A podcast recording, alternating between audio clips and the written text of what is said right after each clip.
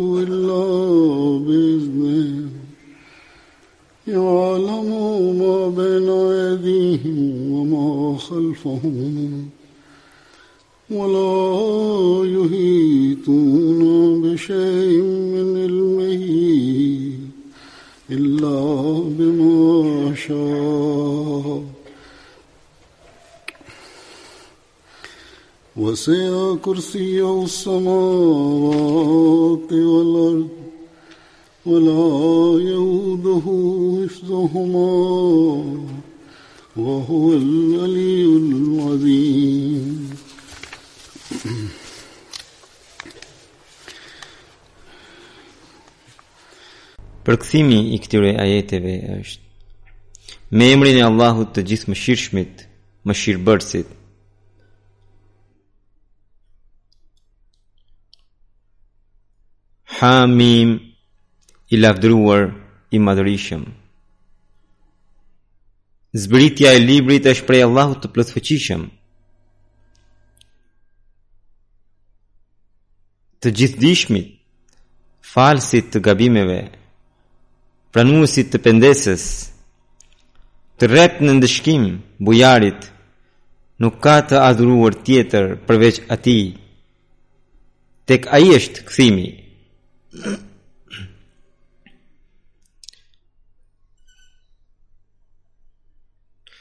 Ajeti i dytë që kam recituar është ajeti El Kursi, përkthimi i tij është Allahu nuk ka të adhuruar tjetër përveç tij, i gjalli, i qëndrueshmi. Atë nuk e zë as dremitja e as gjumi. E atij është gjithçka që gjendet në qiej dhe gjithçka që gjendet në tokë. Kush mund të ndërmjetësojë pranë tij pa lejen e tij? Ai e di atë që është para tyre dhe atë që është pas tyre. Ata nuk mund të zotërojnë asgjë nga dija e tij përveç asaj që do që ai do. Sundimi i tij shtrihet mbi qiejt e mbi tokën. Ruajtja e të dyjave nuk e lodh atë, dhe ai është i larti, i madhërishmi. Këto ajete që janë të surës El Mu'min, ajetet e para bashkë me bismillahun katër ajetet e para dhe ajeti i dytë siç u thashë ishte ajeti El Kursi që është i surës El Bekare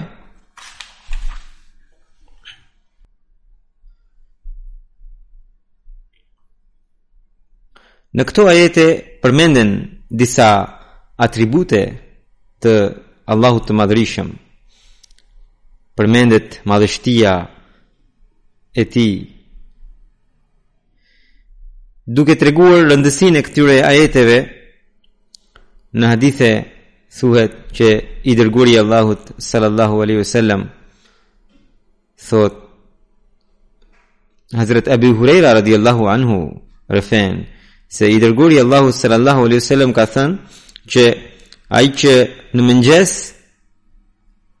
lexon ajetet Hamim el Muminin el Mumin deri tek Ilejhil Mesir, pra tek ai është kthimi, dhe më pas edhe ajetin el Kursi, atëherë këto dy nga këto dy ai do të marrë mbrojtje deri në mbrëmje dhe ai që i lexon këto në mbrëmje, ai do të marrë mbrojtje deri në mëngjes.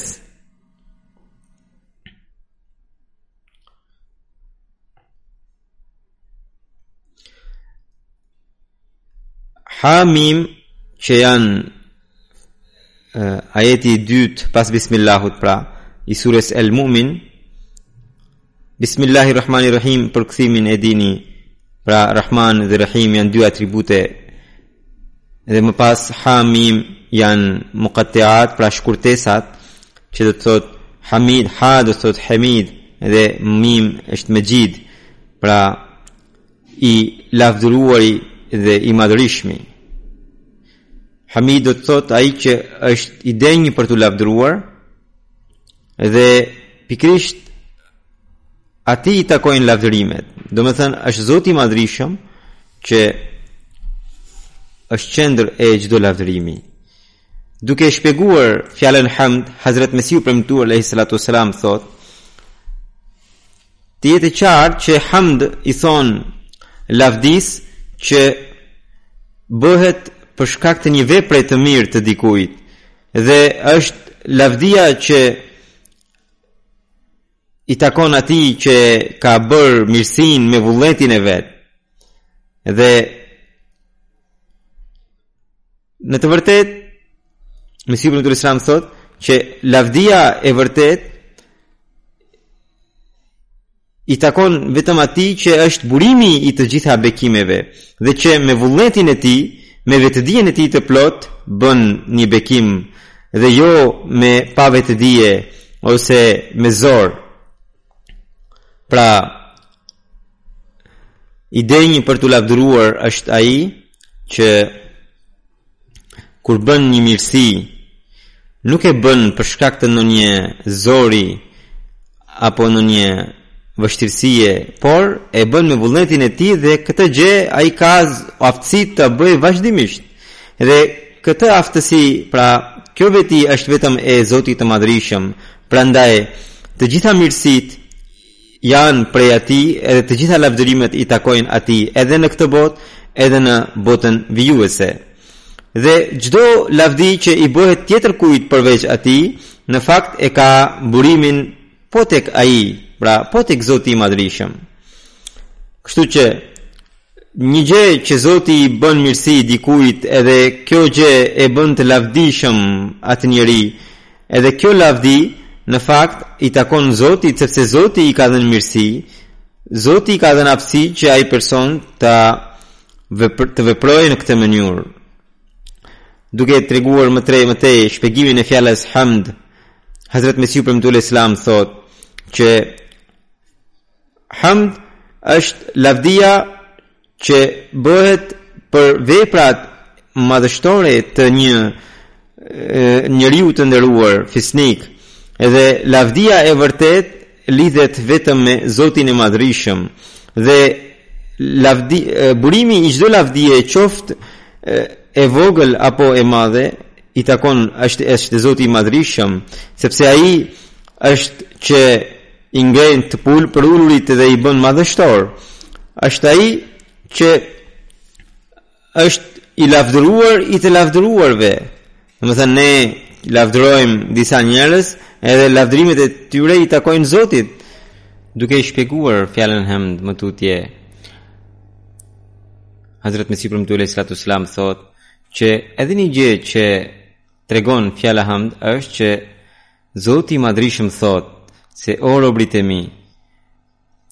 Njihuni, më, më njihni mua përmes atributeve të mia dhe më njihni përmes përsosmërive të, të mia. Nuk jam nga ata që janë të mangët, por lavdia ime është më e larta sesa çdo lavdi tjetër dhe ju nuk mund të gjeni ndonjë qenie të lavdishme në qiell edhe në tokë lavdi e cila që nuk gjendet tek unë dhe nëse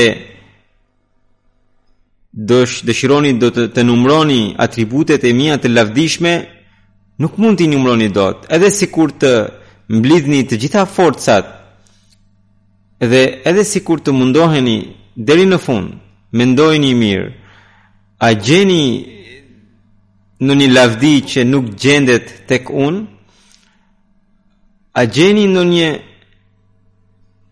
vepër që të lavdishme që është larg meje, nëse ju e mendoni kështu atëherë nuk më keni njohur mua dhe ju jeni të verbër.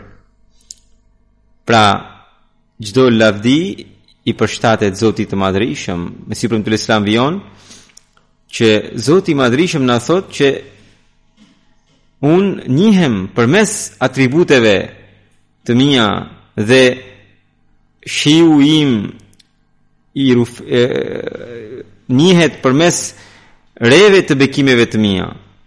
Andaj, ata që më kanë njohur si të përsosur dhe të mbushur me çdo lavdi dhe çdo herë kur, pa, kur panë ndonjë përsosmëri dhe ndonjë madhështi m'i referuan mua dhe m'i ngjitën mua, atëherë ata më kanë njohur. Dhe pra të tillët janë ata që e ndjekin rrugën e njohjes sime. E vërteta do të jetë me ta dhe ata do të jenë të suksesshëm.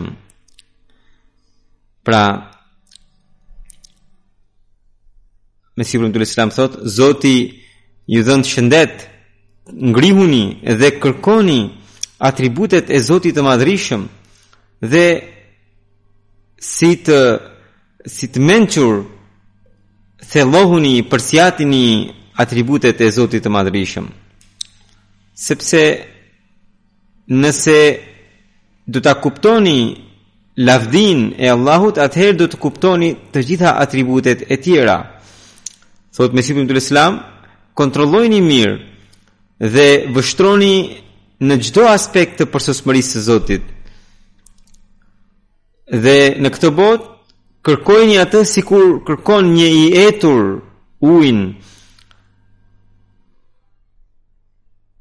Ose ai që ndjek dëshirat e veta, ju t'i ndiqni atributet e Zotit, që ta njihni Zotin e Madhërishëm. Pra, Mesihu alejhi selam thotë që për ta gjetur lavdinë e Zotit ne duhet ta kërkojmë atë siç një njeri kërkon dëshirat e veta. Dhe thotë nëse ju do ta kërkoni atë dhe do t'i gjeni përsosmëritë e tij, lavdinë e tij atëherë ju e keni gjetur Zotin.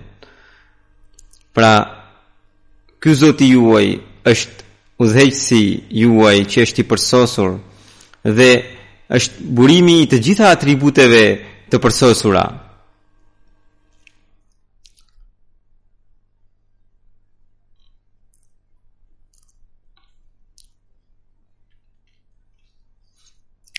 Andaj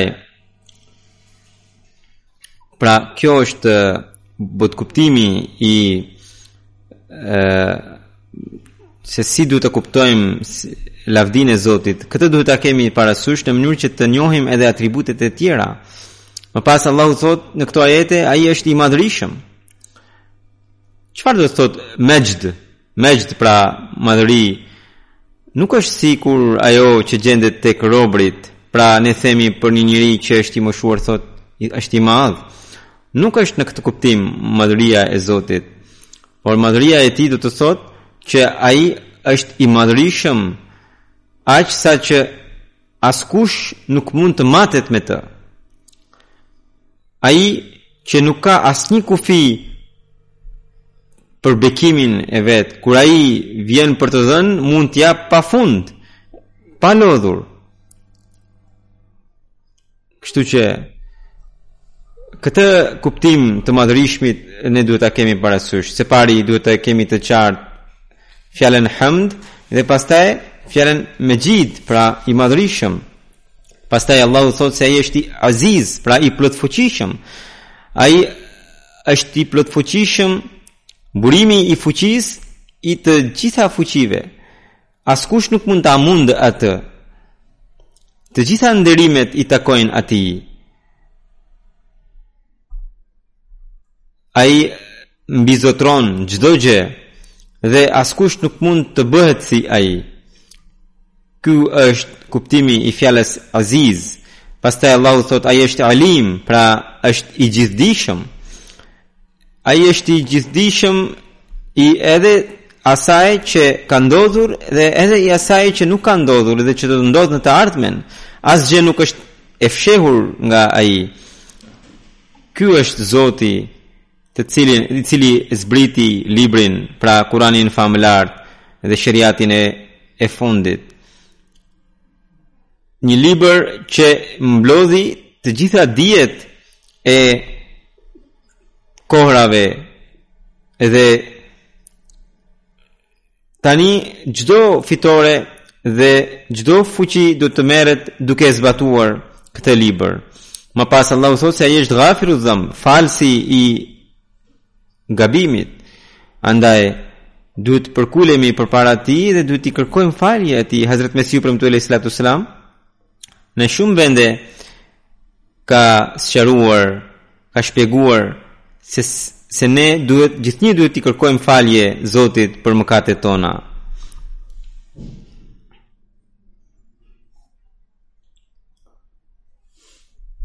Mesihu i Premtuar alejhi selam thotë, drita që i jepet njeriut është e përkohshme.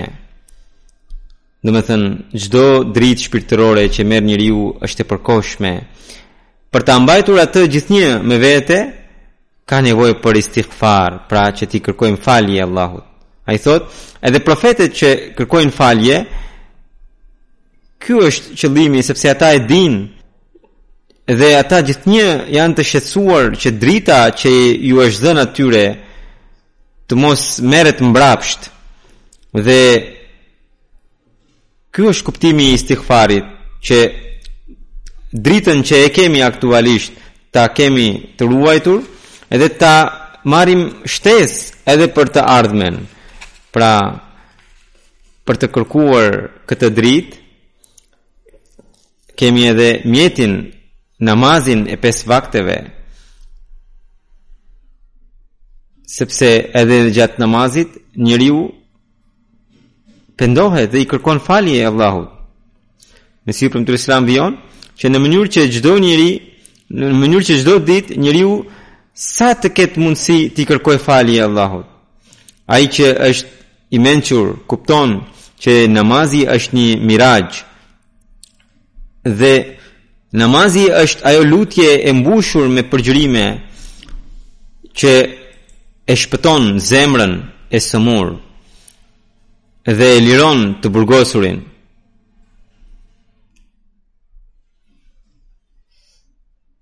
Pra namazi është ai mjet që mund të na shpëtojë nga sëmundjet fizike dhe shpirtërore Dhe mirëpo ai namaz që është i mbushur me lutje dhe në ato lutje duhet t'i kërkojmë falje Allahut. Pra, kur profeti sallallahu alejhi ve sellem na ka porositur t'i recitojmë këto ajete, nuk bën dobi vetëm leximi, por duhet që të thellohemi dhe t'i zbatojmë këto porosi deri në këtë shkallë, siç thotë Mesihu i Premtuar alejhi salatu selam, se si duhet ta mbrojmë namazin tonë, në mënyrë që edhe Zoti pastaj të na mbrojë ne. Mesihu i Premtuar alejhi salatu selam duke shpjeguar istighfarin më tutje në një vend tjetër thotë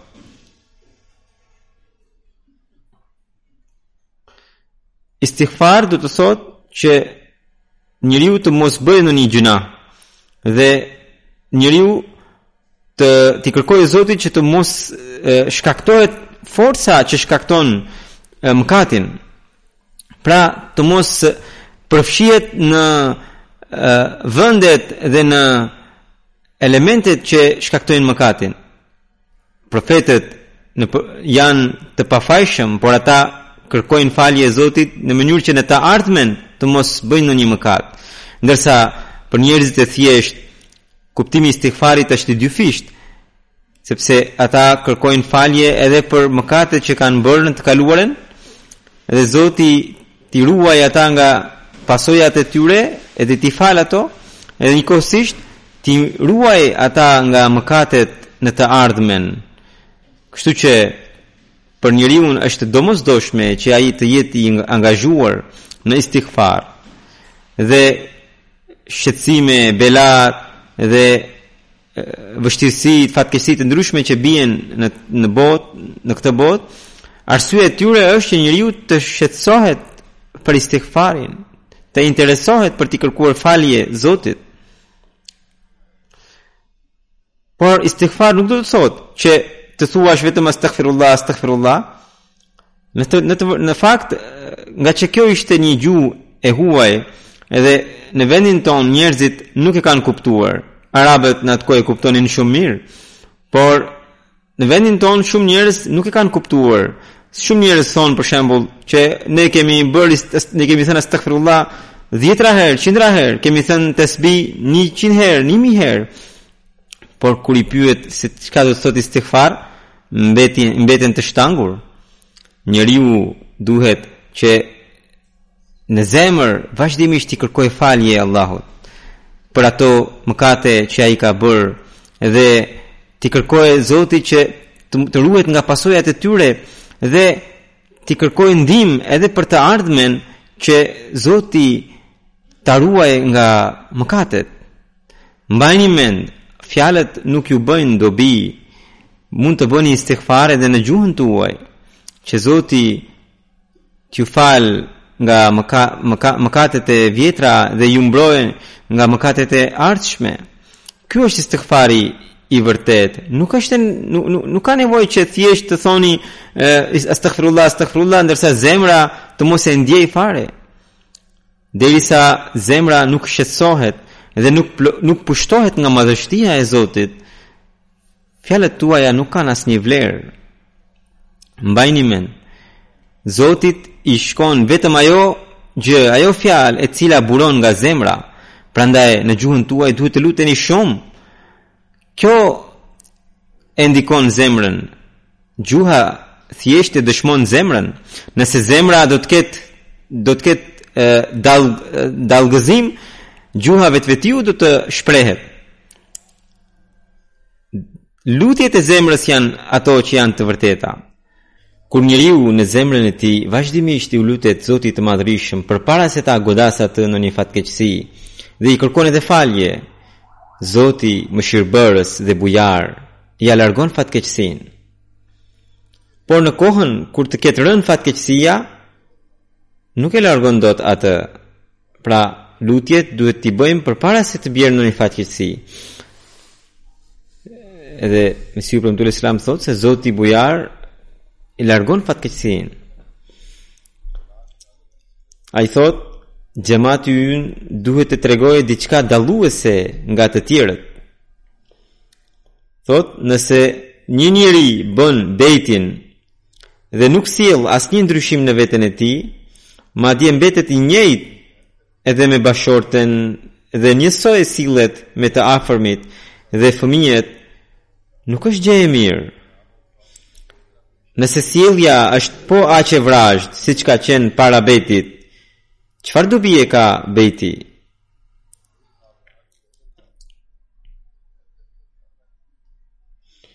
Andaj, thotë, duhet që pas bejtit ai të tregojë një ndryshim të tillë, që të afërmit, fqinjët dhe të tjerët të detyrohen të thonë, kjo nuk është më ashtu siç ka qenë më përpara.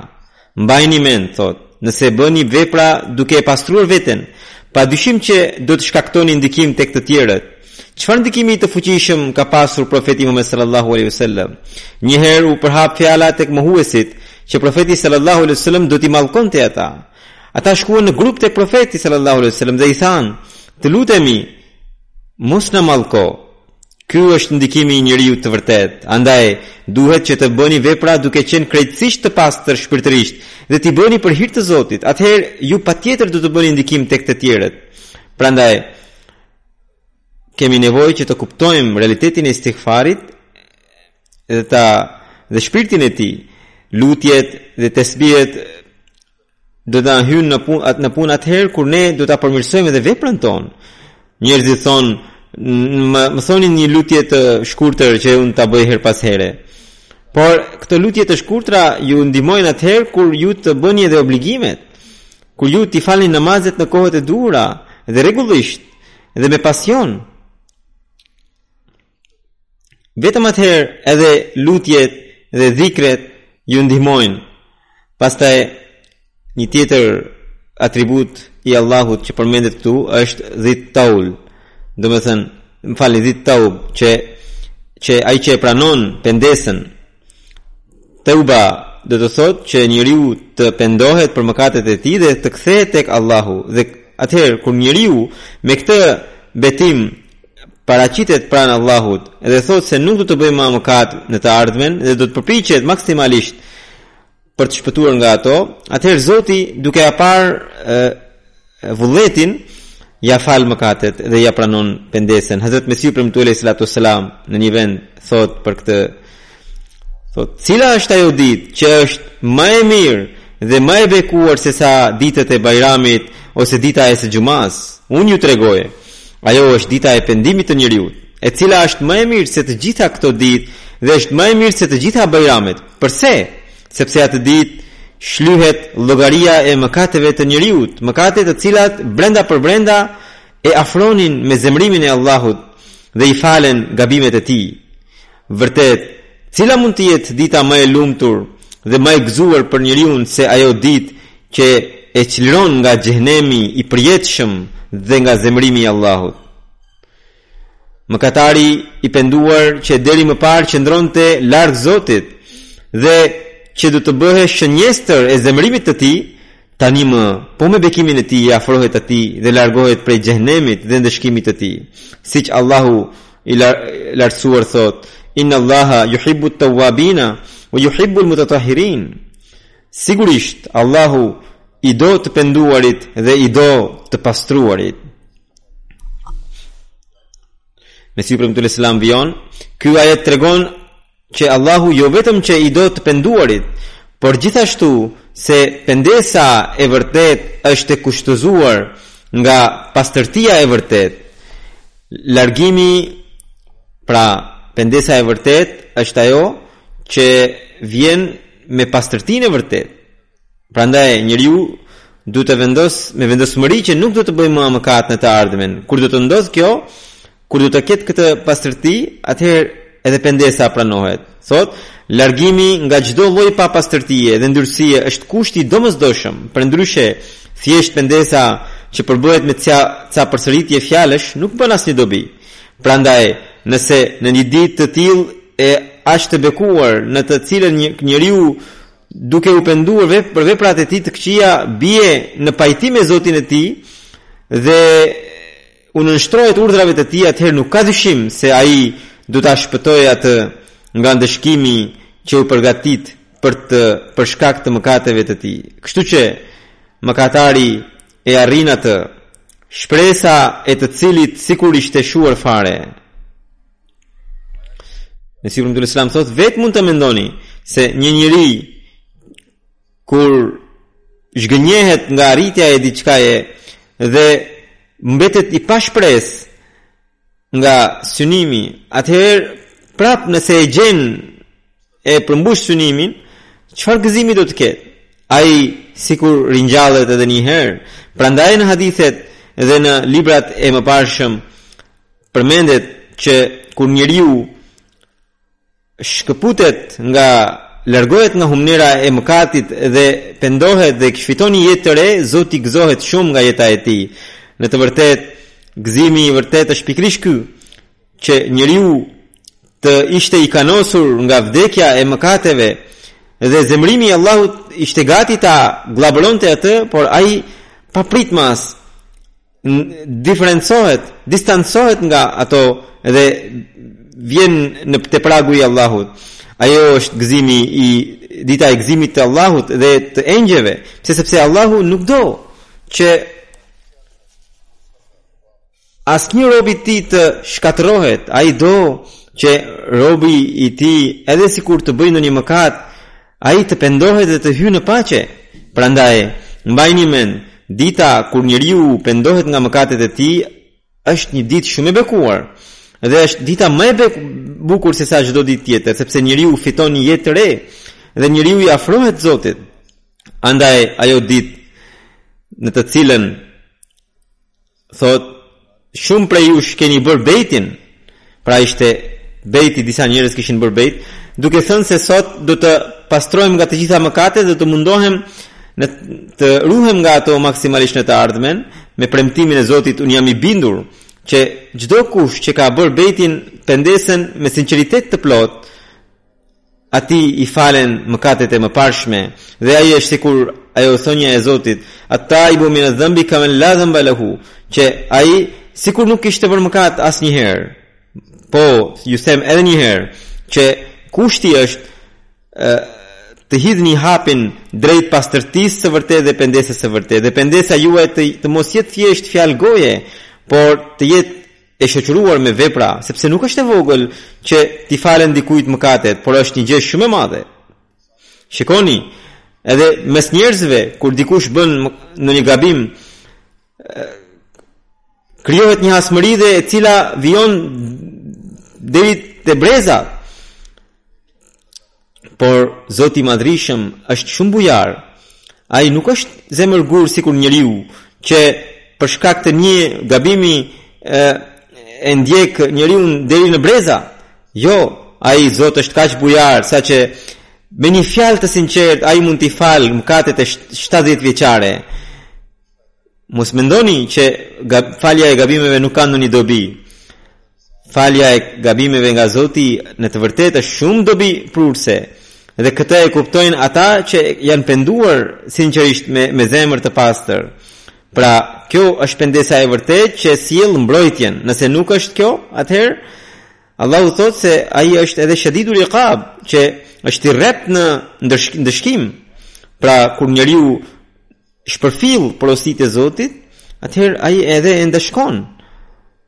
Pra, më pas Allahu thotë se ai është dhit taul, që ai është bujar do që jep shumë për të cilin nuk ka kufi për të dhënë, sepse ai zotëron çdo gjë.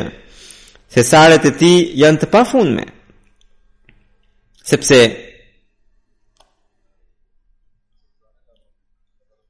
Allahu i madhërishëm thotë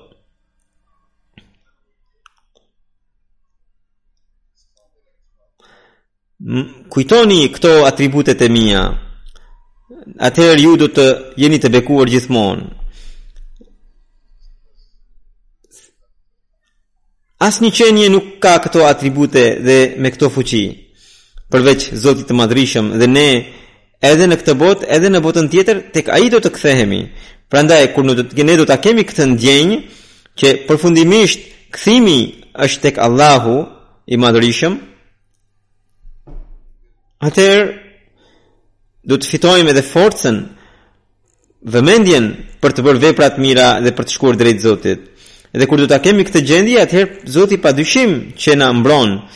Pastaj është edhe ajeti i dytë për të cilin e, Allahu i Madhërishëm një herë tha pra që është ajeti El Kursi në hadithe thuhet që Hazrat Abu Huraira radhiyallahu anhu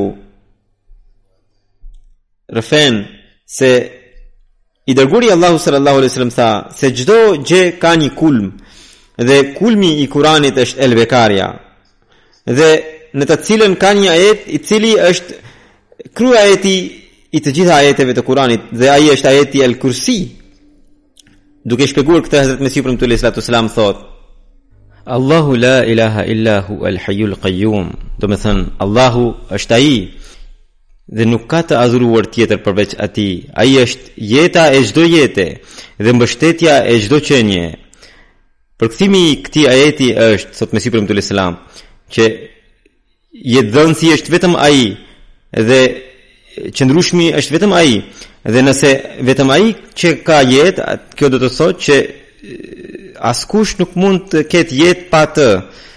Pra, çdo jetë varet nga jeta e tij dhe çdo gjë që është e qëndruar është e qëndruar për shkak të qëndrueshmërisë së tij, duke shpjeguar më tej Hazrat Mesihu i Premtuar alayhi selam thotë që Allahu i Madhërishëm ka treguar dy emra të Zotit, El Hayy, pra i gjalli dhe El Qayyum, i qëndrueshmi. El Hayy do të thotë Zoti jo vetëm që është i gjallë, por jep jetë edhe të tjerëve, ndërsa i qëndrueshëm jo vetëm që i qëndrueshëm në vetvete, por jep qëndrueshmëri edhe të tjerëve. Çdo jetë dhe qëndrueshmëri e çdo gjëje dhe çdo qenieje varet nga pikërisht këto dy atribute. Dhe fjala Hayy, pra i gjalli, kërkon që ne ta adhurojmë atë. Dhe këtë e gjejmë edhe në surën Al-Fatiha, ku Allahu thotë: "Ijaka nabudu", vetëm ty të adhurojmë, ndërsa i qëndrueshmi kërkon që ne atij t'i kërkojmë ndihmë, sepse ai jep qëndrueshmëri. Pra, nëse dëshirojmë të jemi e, të gjallë edhe shpirtërisht edhe fizikisht, atëherë duhet të adhurojmë Zotin e gjallë. Allahu na mundësoftë që ne të jemi adhurues të vërtetë të Zotit. Thotë, Hayy, fjala Hayy kërkon adhurim sepse ai na ka krijuar. Dhe më pas nuk na ka braktisur, siç për shembull një inxhinier që ndërton një godinë dhe më pas ai edhe sikur të vdes, ajo godina vazhdon të funksionojë. Mirëpo Zoti nuk është si një inxhinier. Krijesat dhe njeriu gjithnjë në çdo çast ka nevojë për Zotin. Andaj, është e nevojshme që ne vazhdimisht t'i kërkojmë fuqi Zotit dhe pikërisht ky është istighfari. Për istighfarin kemi dëgjuar gjerësisht pak më parë që nëse dëshirojmë ta kemi dritën e Zotit në mënyrë të vazhdueshme, atëherë duhet t'i kërkojmë, duhet të bëjmë istighfar, duhet t'i kërkojmë falje Allahut.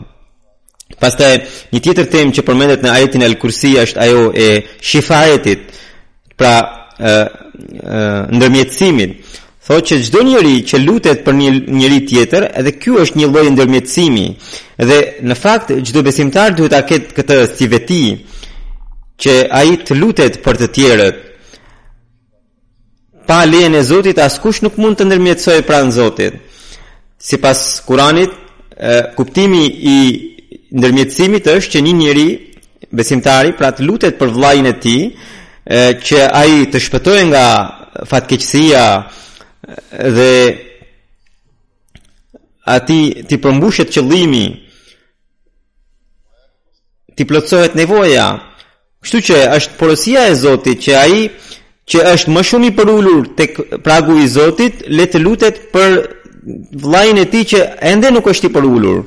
Sepse edhe ky është një lloj ndërmjetësimi. Prandaj ne shpesh lutemi, pra Mesihu i Premtuar alejhi selam thotë se unë shpesh lutem për shokët e mi që Zoti i shpëtoftë ata. Edhe kjo është pjesë e dashamirësisë së besimtarit.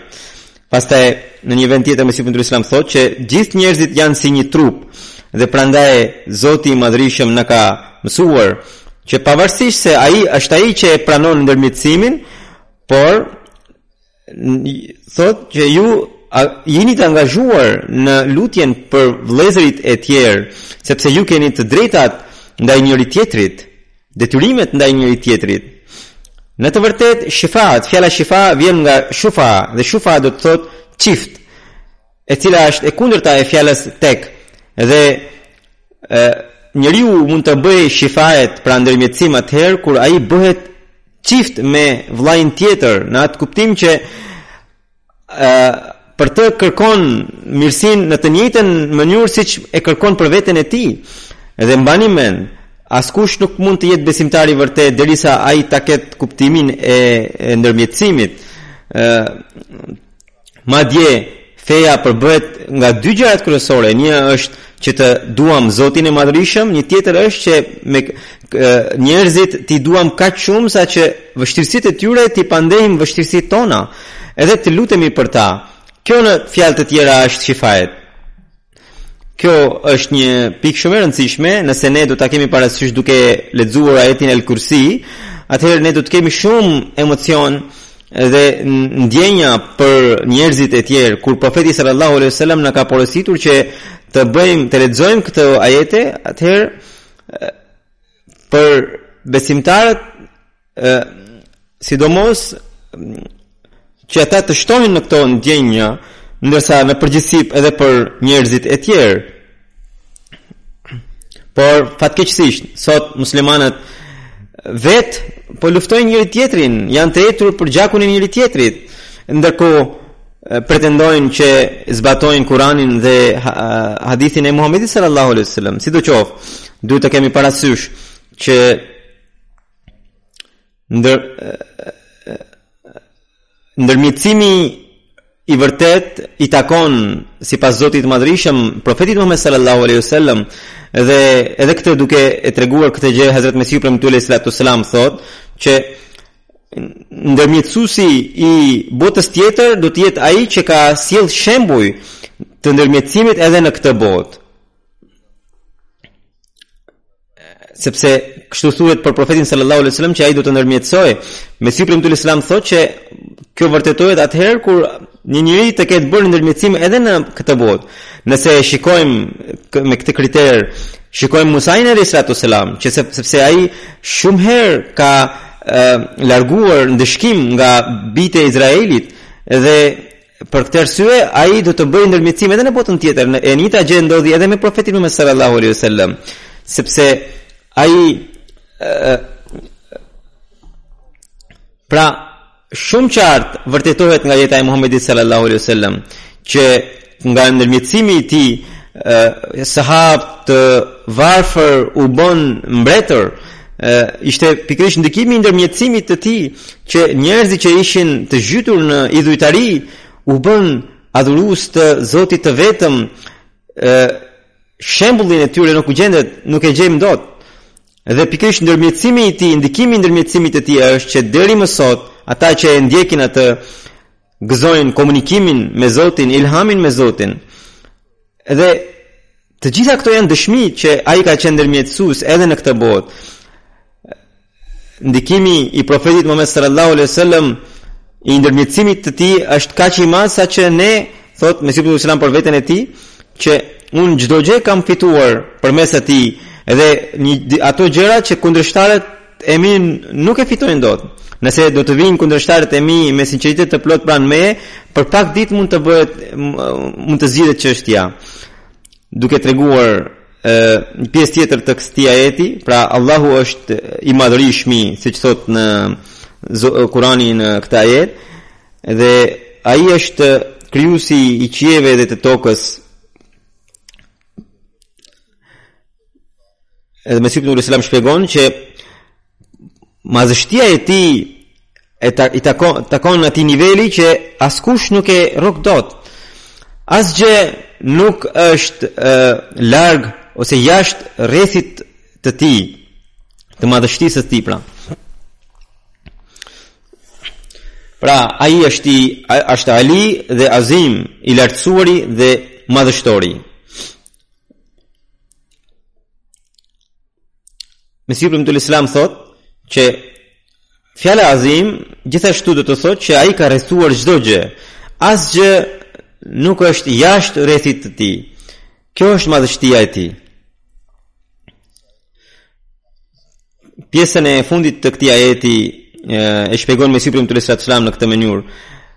Kursi i Zotit, pra sundimi i Zotit, Allahu thotë që Wasi'a kursiu samawati wal ard wala yauduhu hifzuhuma wa huwa al aliyyul azim që sundimi i tij shtrihet mbi qiejt dhe tokën dhe ai nuk lodhet nga ruajtja e të dyve. Pra ai nuk lodhet nga ruajtja e të dyve.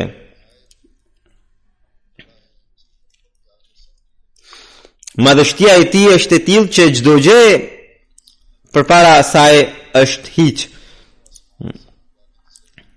E kjo tregon, ky ajet tregon që qiejt dhe tokën gjithçka është nën kontrollin e Zotit të Madhërishëm. Ky është ai Zot madhështor që nuk ka kufi për madhështinë e tij. Ai ka rrethuar çdo gjë.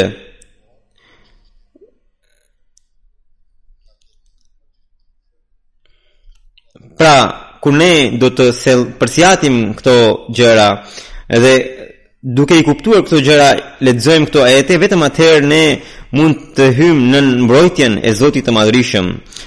Dhe kur njeriu përpiqet për të ardhur në mbrojtjen e Zotit, atëherë ai përpiqet edhe të përmbush detyrimet ndaj Zotit dhe detyrimet ndaj njerëzve dhe kur përmbushen këto detyra, atëherë edhe Zoti i Madhërishëm e mbron njeriun. Kjo është ajo temë të cilën ne duhet ta kemi parasysh dhe pikërisht për këtë arsye i dërguari i Allahut sallallahu alaihi wasallam na ka porositur që ne t'i lexojmë këto ajete Dhe thotë që ai që i lexon këto ajete do të jetë nën mbrojtjen e Zotit dhe e kemi kuptuar që nuk mund e, nuk është e mjaftueshme thjesht t'i lexojmë, por të thellohemi në kuptimet e tyre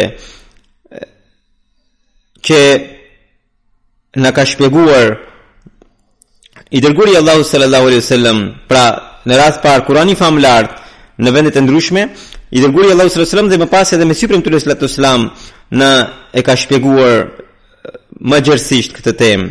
Nëse ne do t'i kemi këto gjëra, atëherë me bekimin e Zotit, njeriu do të jetë nën mbrojtjen e Allahut. Allahu na mundësoftë që ne të kalojmë jetën sipas këtyre parimeve.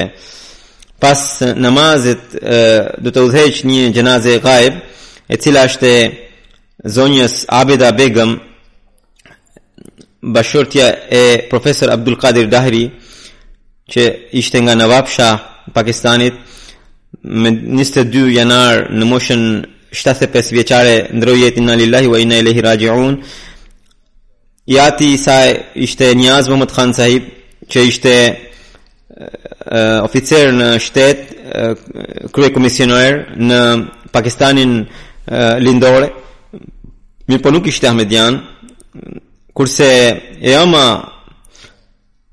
ishte Ahmediane, e cila bëri bejtin në 1963 edhe në fëmijët e saj pikërisht e ndjera bëri bejtin në vitin 1963 më pas bëri edhe vasiatin pra testamentin Hazrat Kalifi i tretë e martoi të ndjerën me profesor Abdul Qadir Dari Saibin dhe nga këta ta kanë pesë fëm pas pesë vajza dhe një djalë. Ajo ka qenë kryetare e Lajnas, pra kryetare e grave të xhamatit në Navapsha dhe për vite me radhë ka shërbyer dhe ka bërë takime edhe në fshatra të thella ka udhëtuar Edhe pse ishte vinte nga një familje e pasur, por jeta e saj ka qenë jashtëzakonisht modeste. Qëndronte mes të varfërve duke i ndihmuar. Shkonte larg për të bërë tabligh. Ishte shumë e pasionuar pas tabligut. Ajo vetë rreth 17 gra kishte bërë të pranonin xhamatin. Mësonte Kur'anin fëmijëve që ishin afër shtëpisë së saj. Bashkëshorti i saj ka pasur bekimin e Zotit që të përkthente Kur'anin famëlartë në gjuhën Sindhi, ai ka qenë edhe amiri i, i, i provincës, amiri i Navapshas, e tani aktualisht e, djali i tyre është amir pra i provincës, ata shkolluan fëmijët, e ndjera ishte shumë guximtare, e thjeshtë shumë dashamirëse besnike dhe e donte shumë xhamatin, kalifatin djali i tij, djali i saj shkruan që ajo merrte udhëzim nga kalifi i kohës në çdo çështje madje ai thotë para dy vitesh kur ajo ka qenë shumë sëmurë pati një plagë në këmbë Një plagë kaq të madhe për shkak të sheqerit, mjekët thanë se duhet të pritet këmba. Mirëpo ajo tha se derisa nuk marr leje nga kalifi i kohës nuk e nuk e bëj operacionin. Kështu që dërgoi letër derisa nuk erdhi nuk ka shkuar letra ime, ajo nuk e ka bërë operacionin. Edhe e duroi dhimbjet dhe kur unë ia dërgova letrën, më pas ajo tha se tani bëni çfarë të doni.